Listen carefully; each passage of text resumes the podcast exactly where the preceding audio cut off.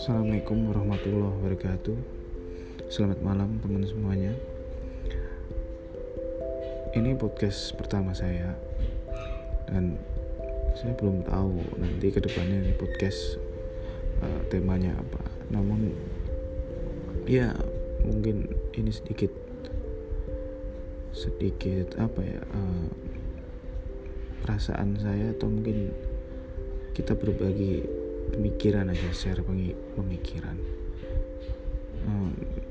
Terutama tentang kondisi akhir-akhir ini ya virus corona semua orang rasanya membahas ini bahkan di TV media sosial di jalan di perusahaan di tempat saya bekerja itu yang dibahas virus corona ini. Ada yang tipe orang yang cuek atau mungkin ya udah takdir kalau mati udah takdir itu katanya. Seperti itu ada yang ah sama virus aja takut sih. Namun ada juga satu teman saya itu yang sampai panik panik panik paniknya dia eh, apa sampai nggak mau nih buka berita gitu di HP dia udah wah nggak mau gua baca-baca berita gua takut. Bahkan kemarin hari minggu dia tiba-tiba sesak katanya kan. Sesak napas. Hmm, dia ketakutan nih jangan-jangan kena apa ini ya.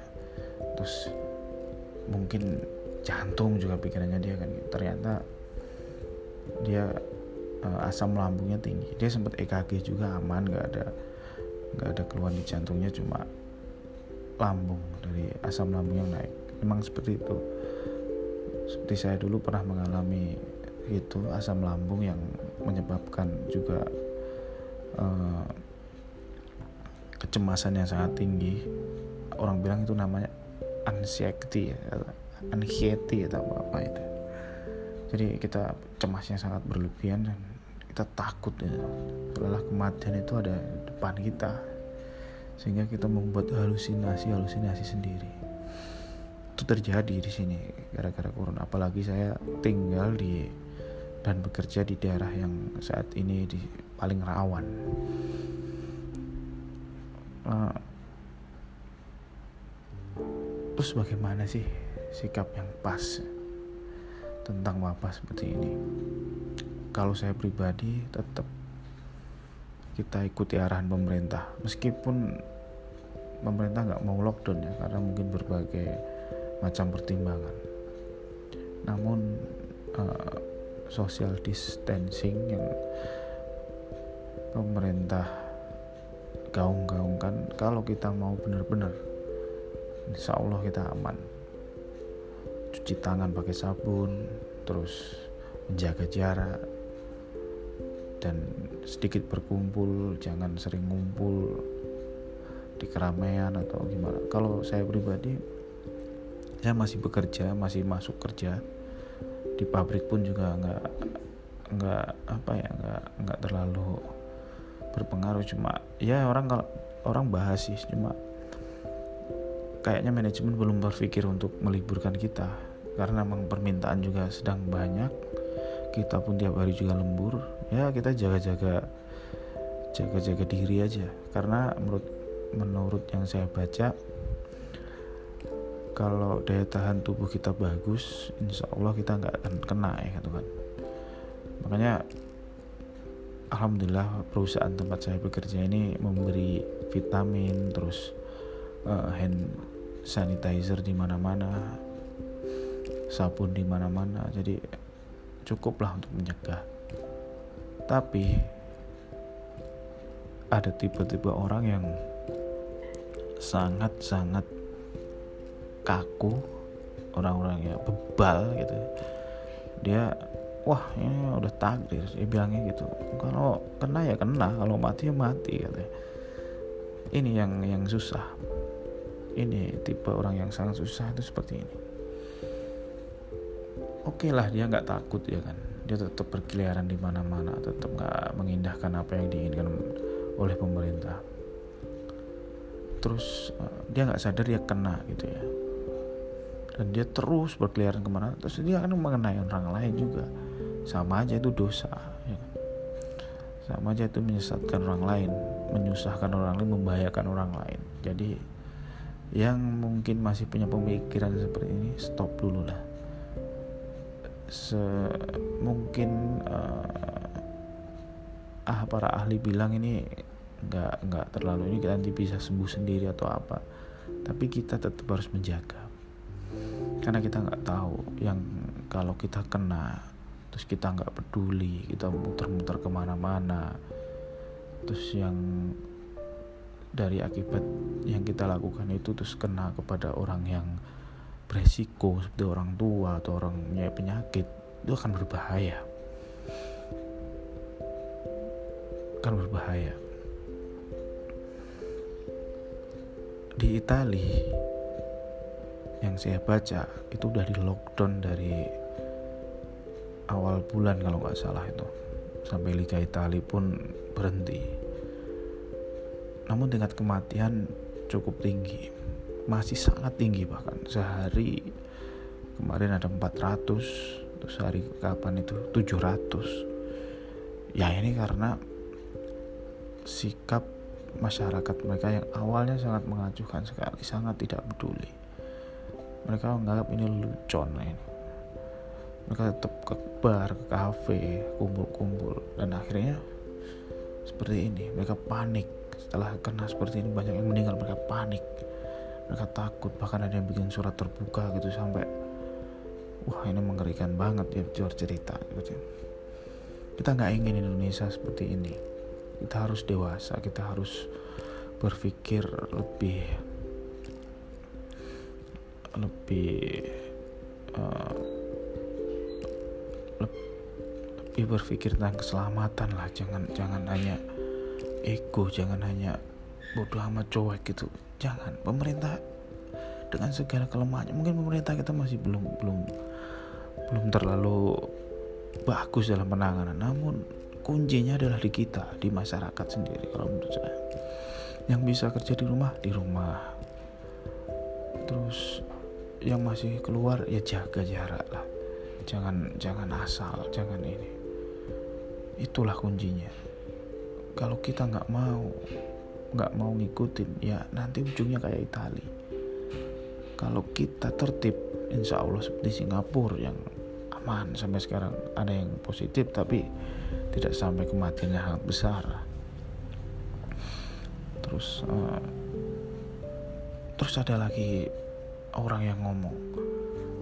Ya kebetulan kan di daerah saya ini di Bekasi. Di tempat saya bekerja sholat Jumat kemarin sholat Jumat udah ditiadakan karena kalau Jumat dibuka sholat Jumat dibuka itu kan kumpul dari orang mana-mana kita nggak tahu. Kontak akan sangat mungkin terjadi ya kan? sehingga ditiadakan namun ada suara-suara orang yang kurang mungkin hanya beragama dan semangat ya ilmunya masih belum dia masih belum memahami. Ini marah-marah. Lah ini sholat Jumat tuh nggak ada? Masjid-masjid tutup. Tapi mall masih buka. Diskotik masih buka. Ini pemikiran apa kayak gini misalnya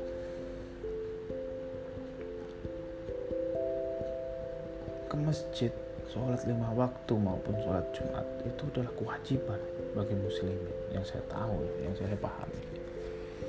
Sehingga ketika ada wabah seperti ini pun banyak muslim ini masih hadir di masjid karena emang wajib sebenarnya. Sehingga kita butuh fatwa kita butuh himbauan. Makanya pemerintah ulama lebih menghimbau kita di rumah. Sedangkan kayak diskotik kayak mall itu kan nggak kita nggak harus tiap hari di situ. Sekali dan mungkin sebulan sekali bahkan diskotik pun saya nggak pernah kayak apa nggak tahu. Kalau mall mungkin saya sebulan sekali. Namun karena ada kayak gini kita kan sadar ya ngapain kita ke sono cari penyakit gitu kan tapi kalau masjid sebagai muslimin ya kita masih hadir sholat berjamaah. Namun dan ya kita juga khawatir wah ini kita kejanjian kumpul masih salaman kadang makanya dibutuhkan fatwa ada yang menjamin ada yang uh, bertanggung jawab. Makanya yang difatwakan adalah berkumpul di masjid bukan di mallnya. Karena mall nggak butuh fatwa nggak butuh himbauan. Kita pasti sadar sendiri. Nyatanya sekarang tanpa diberitahu pun mall-mall sepi jalan-jalan pun sepi.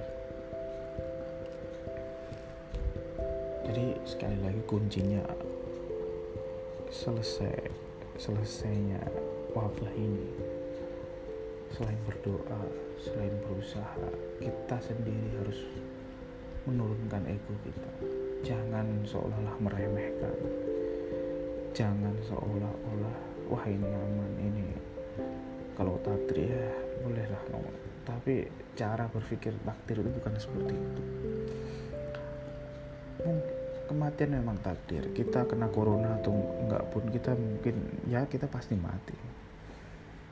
Namun usaha itu penting. Usaha itu harus. Usaha itu wajib ikhtiar itu wajib. Rasulullah SAW dijanjikan oleh Allah beliau pasti menang dalam perang. Beliau pasti menguasai Romawi dan Persia namun apakah beliau itu tiduran di rumah terus menang sendiri semua? Dan tidak kan. Beliau masih membuat strategi masih berlatih masih memperkuat senjata dan lain sebagainya.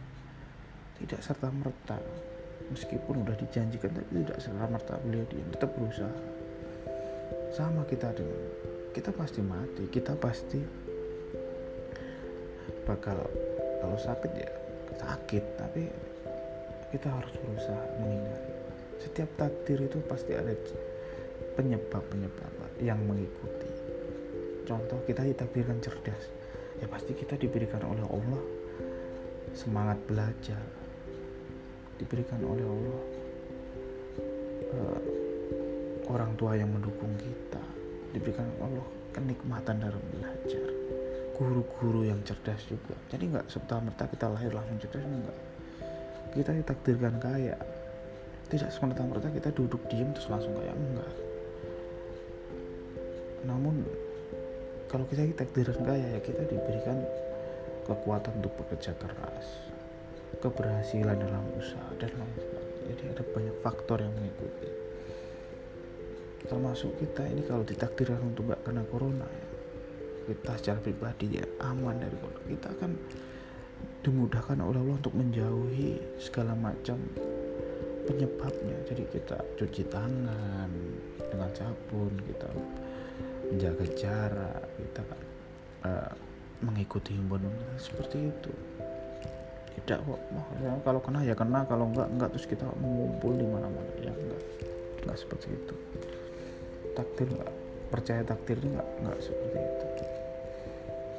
Jadi sekali lagi ini hanya apa ya untuk mengawali podcast saya yang pertama saya ingin mengangkat isu yang lagi rame aja. Dan saya ngobrol seperti ini sama banyak teman saya namun saya pengen banyak orang lagi mendengar. Mungkin ada yang setuju mungkin ada yang tidak. Namun tetap apa pun yang di inginkan pemerintah saat ini udah pusing sekali nih saya kita bisa lihat ya. Dengan ekonomi yang makin memburuk terus wabah seperti ini.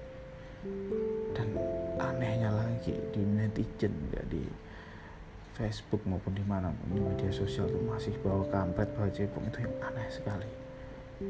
Ini teguran kita untuk bersatu saatnya kita bersatu. Kita bantu pemerintah dengan mengikuti sarannya dengan mengikuti instruksi dari pemerintah.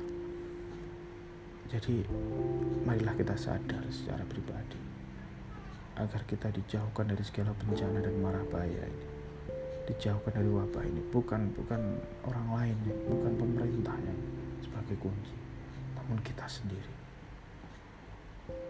Mungkin cukup uh, sharing pemikiran ini. Semoga bermanfaat. Dan saya juga mau nyari tema ini apa untuk podcast saya selanjutnya. Ini hanya tes. Barangkali ada yang mau dengar silahkan dan insya Allah saya akan buat buat podcast lagi ke depannya karena mungkin bentar lagi juga akan diliburkan dengar-dengar di perusahaan seperti itu saya cari jadi nyari sibukan lah apa ya dan, uh, dan akhirnya Selamat malam, selamat beristirahat. Assalamualaikum warahmatullahi wabarakatuh.